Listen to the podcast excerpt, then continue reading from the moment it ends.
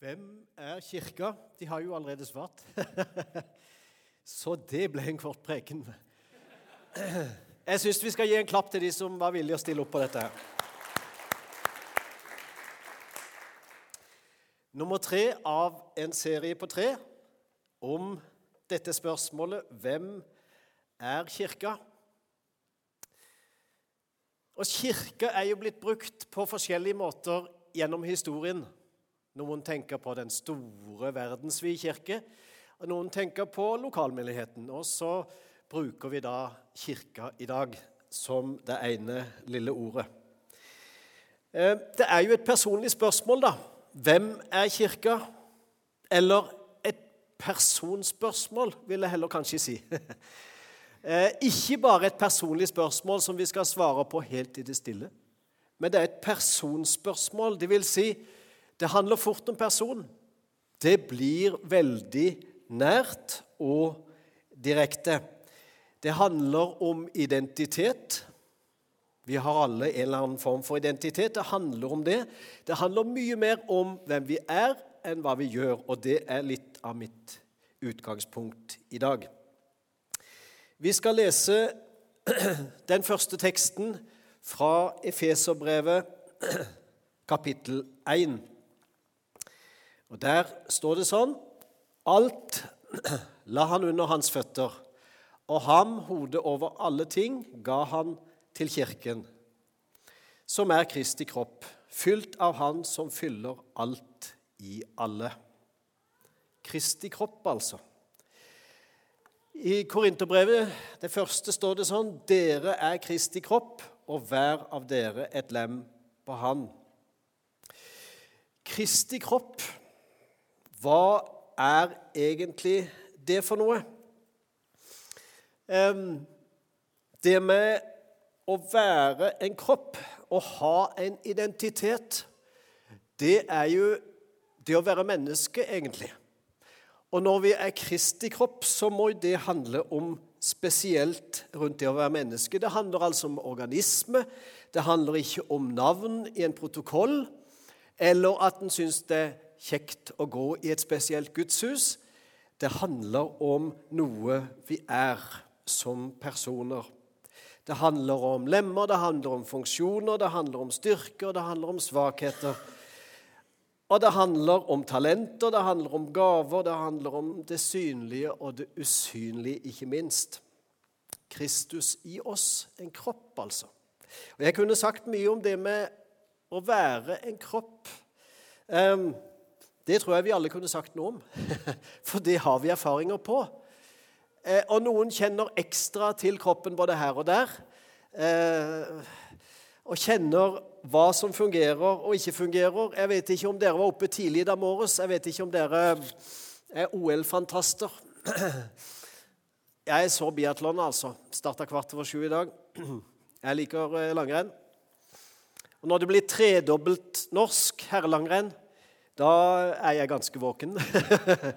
Eh, Da kommer gudstjenesten veldig sent på dagen, når det begynner kvart over sju om morgenen. Fantastisk å se på. Det er klart, noen som anstrenger kroppene til det helt ekstreme, og er vant til å gjøre det, for de har trent seg opp på en måte som det går an, og noen prøver og greier ikke helt å få det til på samme måte. Om det er norske eller andre som vinner, så ser du at de har kropper som fungerer til dette her. Og eh, der blir jeg tilskuer, men eh, nokså ivrig en. Jeg har ikke dratt til andre sida av jorda for å se på det, men står tidlig opp for å se på det. Kristi kropp, hvordan anstrenger den seg? Hvordan er funksjonene i kirka, som er Kristi kropp? Det handler egentlig ikke om anstrengelse, det handler om å være. Enten så er vi det, eller så er vi det ikke. Hvem er kirka? Det handler om identitet og hensikt. Um, Markus Kvavik, som hadde den første av disse um, talene på tre, han snakka om at eklesia, det greske ordet for menighet eller kristen forsamling, det omfattes av disse to identitet og hensikt. Og de er veldig viktig til stede i det som har med en kristen menighet å gjøre, eller med Kristi kropp å gjøre, eller det vi kaller kirka. Identitet og hensikt. Identiteten den har du og jeg, enten vi vil eller ikke. Og Av og til så er vi født med noen spesiell type identitet, men vi utvikler den ganske tidlig. Så de der to små som var her, de er fullt i fart med å utvikle en identitet.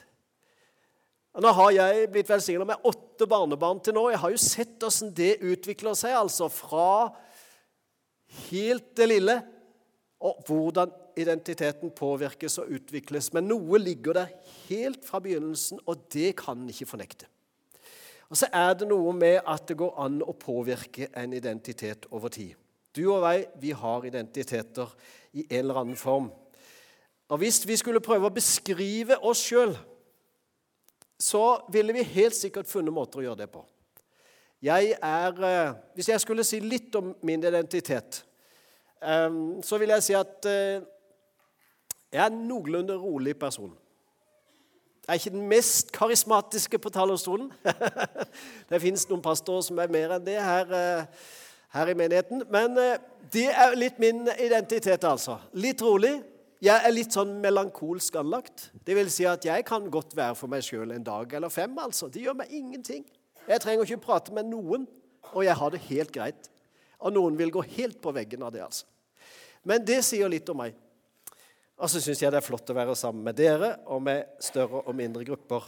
Et, en stab å få lov til å arbeide i kirka her. Trives med det. Samtidig er det godt å lukke døra av og til og konsentrere seg. Identitet har vi alle sammen i en eller annen form. Vi er aldri tomme. Vi er aldri flate. Selv om av og til vi kan lure på hva skjuler det seg bak det ansiktet der, bak den fasaden der. Det er ikke alle som viser det så tydelig, men vi har en identitet, vi har en personlighet, uansett om den er veldig tydelig utad eller ikke. Kristen identitet, hvordan ser den ut? Ja, Kristen identitet og nå vil jeg våge en veldig tydelig påstand. Kristen identitet er alltid en misjonal identitet. Og hva mener jeg med det? Jo, den retter seg alltid mot det å gi videre det jeg har fått. Og hvis ikke det skjer, hvis den lukkes inne i oss sjøl, så vil jeg si at da er ikke den kristne identiteten godt utvikla. En kristen identitet som har utvikla seg på en normal og god måte, er en identitet som gjerne gir videre det jeg har fått. Å gi videre, det er det det handler om. Være misjonal, kaller vi det. Det er et ord som vi bruker mer og mer på norsk, selv om det er kommet fra engelsk. missional. Eh, vi kaller, bruker ofte begrepet missional church, misjonal kirke. Og Da er det mer enn det å drive med misjon eller en sånn aktivitet det er det at vi er det i sjel og sinn, altså. Og vi kan ikke komme fra det. Det som har med identitet å gjøre, det er jo sånn at vi kan ikke delegere en identitet. Vi kan delegere oppgaver. Vi kan delegere ansvar. Vi kan delegere aktiviteter ut i en flokk. Men vi kan aldri delegere vår egen identitet. Den har vi, eller har vi den ikke. Den er vi, rett og slett. Det vil si at vi er misjonale i vår identitet som kristne.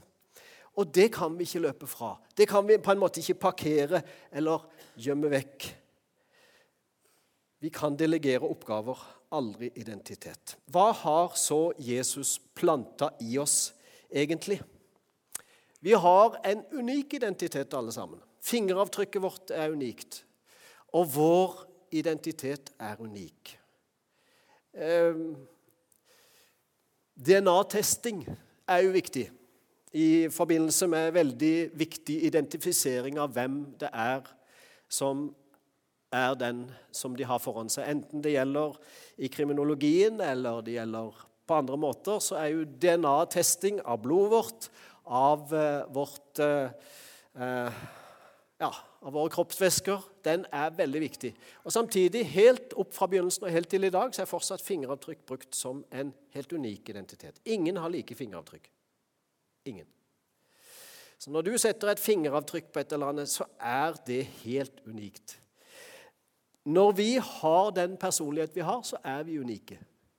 Men det er noe i en kristen identitet som alltid er fremtredende, og det er det misjonale. Det vil si, det jeg har fått, det må gi videre. Jeg har gjort en erfaring, og det er at nye kristne, nykristne, de som akkurat har fått del i evangeliet, de som har opplevd at sola går opp i ens indre og lyset kommer opp i øynene, holdt på å si, de er de flinkeste til å dele med en gang. Det er helt naturlig. De kan ikke holde det for seg sjøl. Og så kan det falme litt over tid. Og så tenker vi ja, det hører med til de ivrigste. Da vil jeg si til, til deg i dag det hører ikke med til de ivrigste. Men måten å gjøre det på, den kan være forskjellig. Vi skal dele det vi har fått, og vi skal peke og ta med mennesker til Jesus. Og på de to tingene så henger vår misjonale identitet, tenker jeg. Dele det vi har fått, det livet vi har fått, og peke på Jesus. Det finnes ingen fast oppskrift på hvordan vi gjør det. Og det er jeg glad for. Innen noen bevegelser så er det veldig trangt. Sånn gjør vi det, og sånn må vi være. Jeg har ganske sagt det før, men uh, ja, nå er det snart 40 år jeg på, siden jeg gikk på bibelskole og teologistudie. Og En gang i året så hadde vi det vi kalte evangeliseringsdag. Og Det var i Oslo skolen lå. Og vi ble sendt ut to og to. Og jeg, uheldig som jeg var, ble sendt til det rødeste området i hele Oslo. Og jeg tror det var ei dør som åpna seg av de hundre jeg banka på når vi skulle fortelle om Jesus. Alle bare bang. Eh, men ei dør var liksom vidt åpen kapp, og det var selvfølgelig et hjem med Jehovas vitner. Men det, For de så jo mulighet til å gi noe til meg. Det var hyggelig å komme inn der. Eh, og allikevel, det er noe med hvordan gjør vi det der og der? Mange har fått evangelisering helt opp i halsen og tenker at det er i hvert fall ikke for meg. Jeg klarer ikke det der konfronterende. Nei, det er helt greit. Jeg ble også svett etter en evangeliseringsdag på Ansgarskolen. Og jeg tenkte jeg gått den bare én gang i året, så overlever vi den.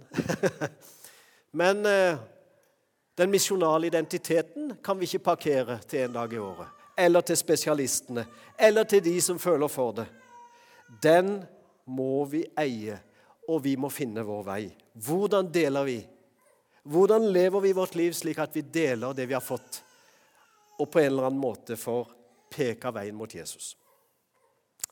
Blir vi stereotype, så blir folk trøtte og utslitte, og vi blir ekskluderende. Derfor er jeg glad at Kirka den skal være et sted hvor det skal være bredde rundt dette her. Og vi kan bruke vår personlighet slik vi har fått den, og ikke slik andre nødvendigvis gjør det. Vi skal se på én kar i Bibelen spesielt i dag. Han heter Andreas, og han er faktisk den første disippelen til Jesus. Og så skal jeg si litt om Andreas. Jeg vet ikke hvor godt du kjenner Andreas. Men han er altså en av de første disipler som Jesus kalte. Han var egentlig den helt første hvis vi skal se nøye på det. Johannes evangelium sier i hvert fall noe om det. Han var først fisker. Han var bror til Peter, som mange flere har hørt om. Fiskeren Peter. Eh, Andreas var, Pet eh, var, Peters bror, og de var fiskere. Vokste opp i Betzaida ved Genesaretsjøen oppe i Galilea, nordre del av Israel. Han var begynt å følge etter Johannes døperen. Han var blitt disippel der. Men så møtte han Jesus, og så begynte han å følge etter han. Og Det første som Andreas gjorde, hva var egentlig det? Eh, la oss lese eh, det det står om Andreas i Johannes evangeliet. Andreas, Simon Peters bror, var en av de to som hadde hørt det Johannes sa, og som hadde fulgt etter Jesus. Altså Johannes døperen, som hadde snakka om Jesus. Han fant nå først sin bror Simon og sa til ham, 'Vi har funnet Messias.' Messias betyr 'den salvede'. Altså Han gikk rett til broren sin og sa, 'Nå har jeg funnet det.' Han tok det som han hadde fått del i, ga det videre med en gang. Og det første muligheten han brukte, det var å fortelle broren sin. De var kanskje ganske close, men de var veldig forskjellige av natur. Veldig to forskjellige identiteter. Hvorfor det? Hvorfor kan jeg si det?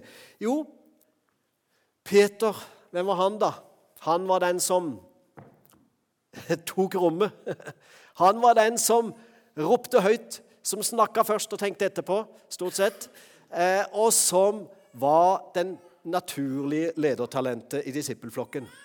Andreas han var mer tilbaketrukken, og allikevel var de brødre. Andreas var den første, og han tok budskapet rett videre til Peter. Og så ble de det de ble. Og det er flott å oppleve Andreas, altså. Eh, så måtte Peter finne sin måte å være disippel på. Og så måtte Andreas finne sin. Og Det er to gode eksempler på forskjellighet. Jeg er ikke som Peter. Jeg er kanskje litt mer Andreas-type. Har du hørt ordet Andreas-kristne? Det vil si de som tar andre med til Jesus. De som peker på Jesus. Ikke nødvendigvis de som står fremst og roper høyest, men de som tar andre med seg. Det de har opplevd, må de dele med en gang og dytter andre foran seg. For at de skal få oppleve det samme. Slik var Andreas. Og det er en flott personlighet. Jeg elsker det, altså. Han hadde en Han fikk en veldig tydelig misjonal personlighet ganske raskt, ser det ut som. Og så vil jeg si en ting. Andreas ble aldri en fremtredende disippel. Du hører ikke veldig mye skrevet om Andreas. Men du hører veldig mye om Peter, Jakob og Johannes. Og Jakob og Johannes de var brødre. Og Peter og Andreas var brødre. Men Andreas, liksom Han holdt seg i bakgrunnen sammen med de andre. Hvordan kunne han det? Hvordan ble han ikke misunnelig på Peter, på broren sin, som fikk stå der framme? Han hadde jo møtt Jesus først, og så skulle Peter, som fikk møte han etterpå, gå liksom rett forbi han. Andreas hadde ingen problem med det. Ingen problem. Det står ikke ett ord om at Andreas hadde et problem med det. Andreas ble aldri en misunnelig disippel. Det er en god eh, ting, er det ikke det?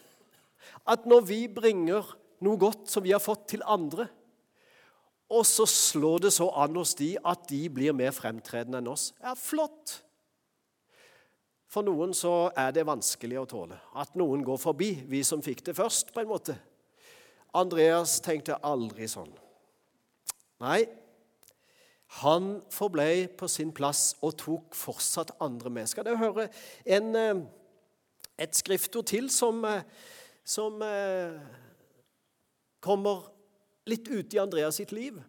Jeg vet ikke om noen av dere husker, men det står en beretning i evangeliet om, om når Jesus gjorde under av fem brød og to fisker. Eh, men han gjorde det ikke ut av noen ting, for det var en gutt der som hadde niste med seg. Og det var en av disiplene som tok han med til Jesus og ga de fem brød og to fisker. Hvem var det? Det var Andreas. Andreas fikk tak i denne gutten. Han så denne gutten først. Så når Jesus sa 'dere får gi dere mat', og disiplene ble sjakkmatt altså. Vi vi har ikke mat med en gang. Skal vi gå og kjøpe? Da så Andreas gutten. Da så Andreas nista. Og Da snakka Andreas allerede med gutten. Tok han med og til Jesus. Det er i hvert fall fem brød og to fisker. Jesus kan bruke det. Det er ikke mye, men Andreas var der med en gang. Han hadde syn for å gi, ta noen og gi det videre til Jesus. Andreas var en flott personlighet. altså. Han hadde en misjonal personlighet fra begynnelsen. Han brakte andre til Jesus. Han brakte andres gaver i Jesu hender, og det ble mye av det. Så står det ikke mer om Andreas igjen. Så trer han tilbake. Og så er han den disippelen han er. Ja, det er spennende å følge Andreas. Det står ikke veldig mye mer om Andreas i, eh, i Nytestamentet. Men hvis vi leser historiske skrifter om Andreas etterpå, at Jesus for opp til himmelen og hvordan disiplene levde sine liv etterpå. Hva står det da om Andreas? Jo, vi kan finne det i historiebeskrivningen flere steder. For eksempel, Andreas ble en stor misjonær. Han dro opp til Svartehavskysten, det sørlige Russland og nordlige Tyrkia og forkynte evangeliet der. Visste du det? Ja, litt eh, voksenopplæring her i dag. Og så eh, Vet du hva de kalte dette området der? Garderiket, hvis vi leser Snorre. Og så videre. Hvor var det Olav den hellige og kongene fikk eh, med kristendommen til Norge? Akkurat, det var derfra. De hadde vært på tur ned i det området. Andreas var den som eh, forkynte evangeliet og arbeida der resten av sitt liv. Kanskje det var derfra vi fikk evangeliet her til Norden og til Norge til slutt. Kanskje det var Andreas som var en av viktig lenke på veien evangeliet fra Jesus til oss vi sitter her. Har du tenkt på det? Det finnes sånne utallige lenker av mennesker som brukte sin personlighet, tok det de hadde, ga det videre og tok ting med til Jesus og pekte på ham. Og det blir det frukter av. En annen ting det står om Andreas, han fikk oppkalt et kors, type kors etter seg. Et sånn et krysskors. Andreaskorset kaller vi det. Det var på grunn av at det var sånn Andreas mista livet. Han ble eh, martyr. Han ble korsfesta på et sånt krysskors. Og Han ble ikke korsfesta som Jesus. Nei, det står at de bandt han fast, bein og armer, på dette korset. Så la de det på bakken, og så lot de sola og dyra gjøre resten. Og Han måtte leve i mange dager før han døde av en uendelig lidelse. Altså en tøffere måte enn å bli spikra på et kors og dø i løpet av en del timer. Han måtte ligge dager til han ikke orka mer. Andreas ble en matyr fra evangeliet.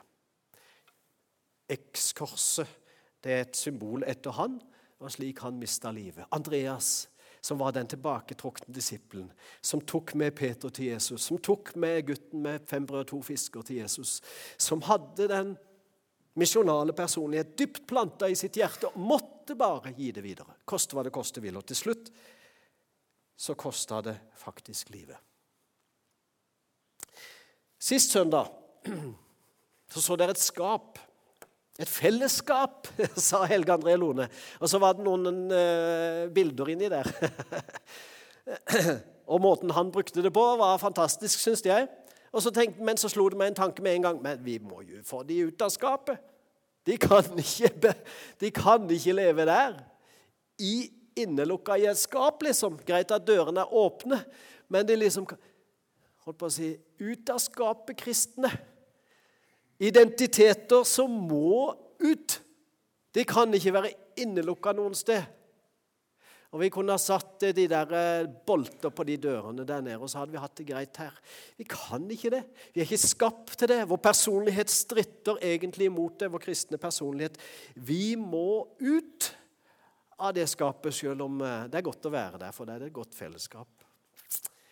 Eh, vi må ut av det, altså.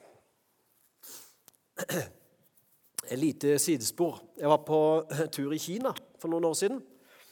Så kom jeg til en liten menighet. Og Der eh, hadde de ingen lokal pastor og de hadde ingen lokal forkynner. og De vitna og prøvde å greide seg så, så godt de kunne. Og Så hadde de en stor talerstol som så ut som et skap, og lukka igjen. Og så spurte vi ja, men eh, får dere aldri liksom besøk av, av forkynnere. Jo, når dere kommer. og det var liksom hvert tredje år. Men, men eh, så sa men vi har DVD-er, sa de. Og det var moderne. Liten landsby langt inn i Kina, og så åpna de skapet, og der sto en stor TV med en DVD-spiller. Og da satte de på en DVD-spiller, DVD-plate, og så hadde de en preken fra Willow Creek eller hvor som helst i verden. altså. De, de var moderne. Ut av skapet. Åpne skapdørene, og så kommer evangeliet ut. Jeg har tenkt på det siden. Ja, de satte seg ikke ned og tenkte på seg sjøl. Her er vi fattige. Her er det ingen som er utdanna til å forkynne evangeliet eller ha noe ekstra på det der. der. Hva skal vi gjøre? Nei da. De fant muligheter i vår tid å utnytte teknologien de de hadde for hånda. En liten lokal landsby langt midt inne i Kina. Ut av skapet, ja. Det trenger vi. Et helt liv er et misjonalt liv, tenker jeg. Hvis den misjonale identiteten har fått veldig dårlig grobunn i ditt og mitt liv, så trenger vi å få endra på det, dere. Vi trenger å bringe det videre. Vi må lære av Andreas og alle de andre som har gått foran. Det kan gjelde ett menneske for deg og meg gjennom et helt liv. Det kan gjelde én familie for deg og meg gjennom et helt liv. Det kan gjelde en gruppe mennesker. Det kan gjelde et nabolag eller en nabo. Det kan gjelde et lokalsamfunn eller mer. Men noen er du til for å dele med.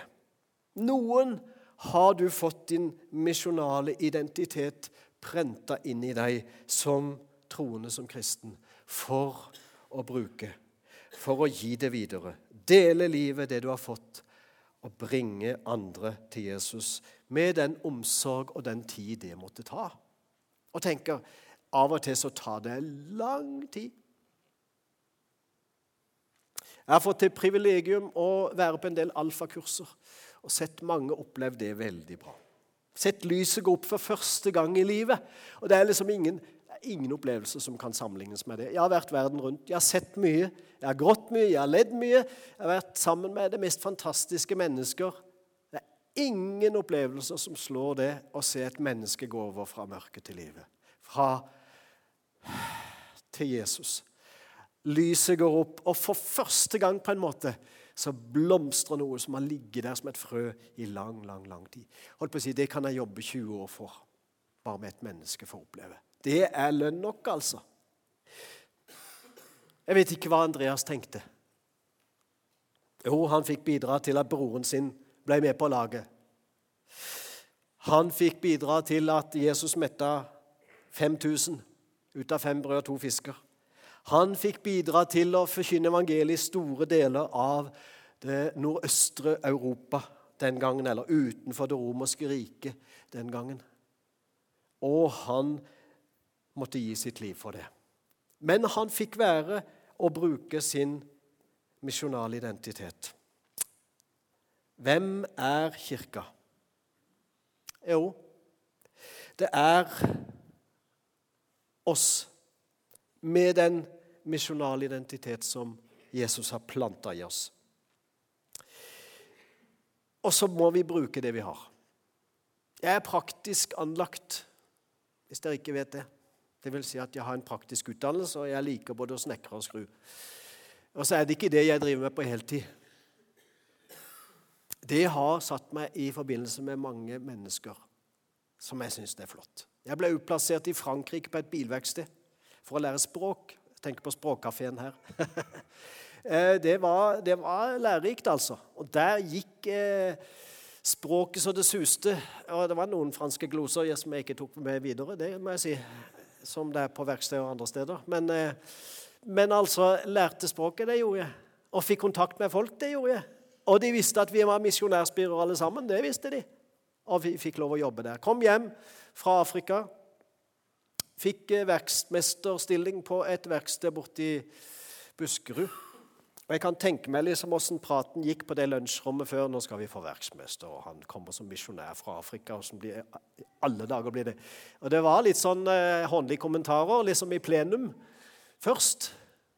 Men når det fikk landa Jeg fikk de beste samtaler med mennesker på verkstedet og i lunsjrommet hvor det måtte være. Under i ei smørgrav eller Vi må bruke det vi har bruke det vi har fått, de områder vi lever på. Vi kan ikke bruke andres. Vi må bruke den misjonale identitet som er planta i oss. Vi må gi det videre, det vi har fått. Vi må peke på Jesus. Amen. Jesus, takk for at du er her. Takk for at det ikke fins noen som du, Herre. Det fins mennesker, vi vet det, Herre Jesus, som du har frelst og som eh, kanskje aldri kommer ut av startgropa. Eh, som lever med angsten for å dele videre. Kanskje vi er noen her i dag, Herre Jesus, du ser oss hver, hver, hver og en. Herre Jesus, ta fra oss angsten, for vi har ingenting å engste oss for. Du er med oss, det sang vi i stad. Du er trofast, det sang vi om i stad. Det tror vi på, det bekjenner vi, Herre. Jesus, du vil bruke oss slik vi er. Om det handler om ett menneske, om det handler om én situasjon, ett sted, én familie Herre Jesus, hjelp oss å gi det videre, slik vi kan på vår måte, og leve ut den misjonale identitet du har skapt i oss. Amen.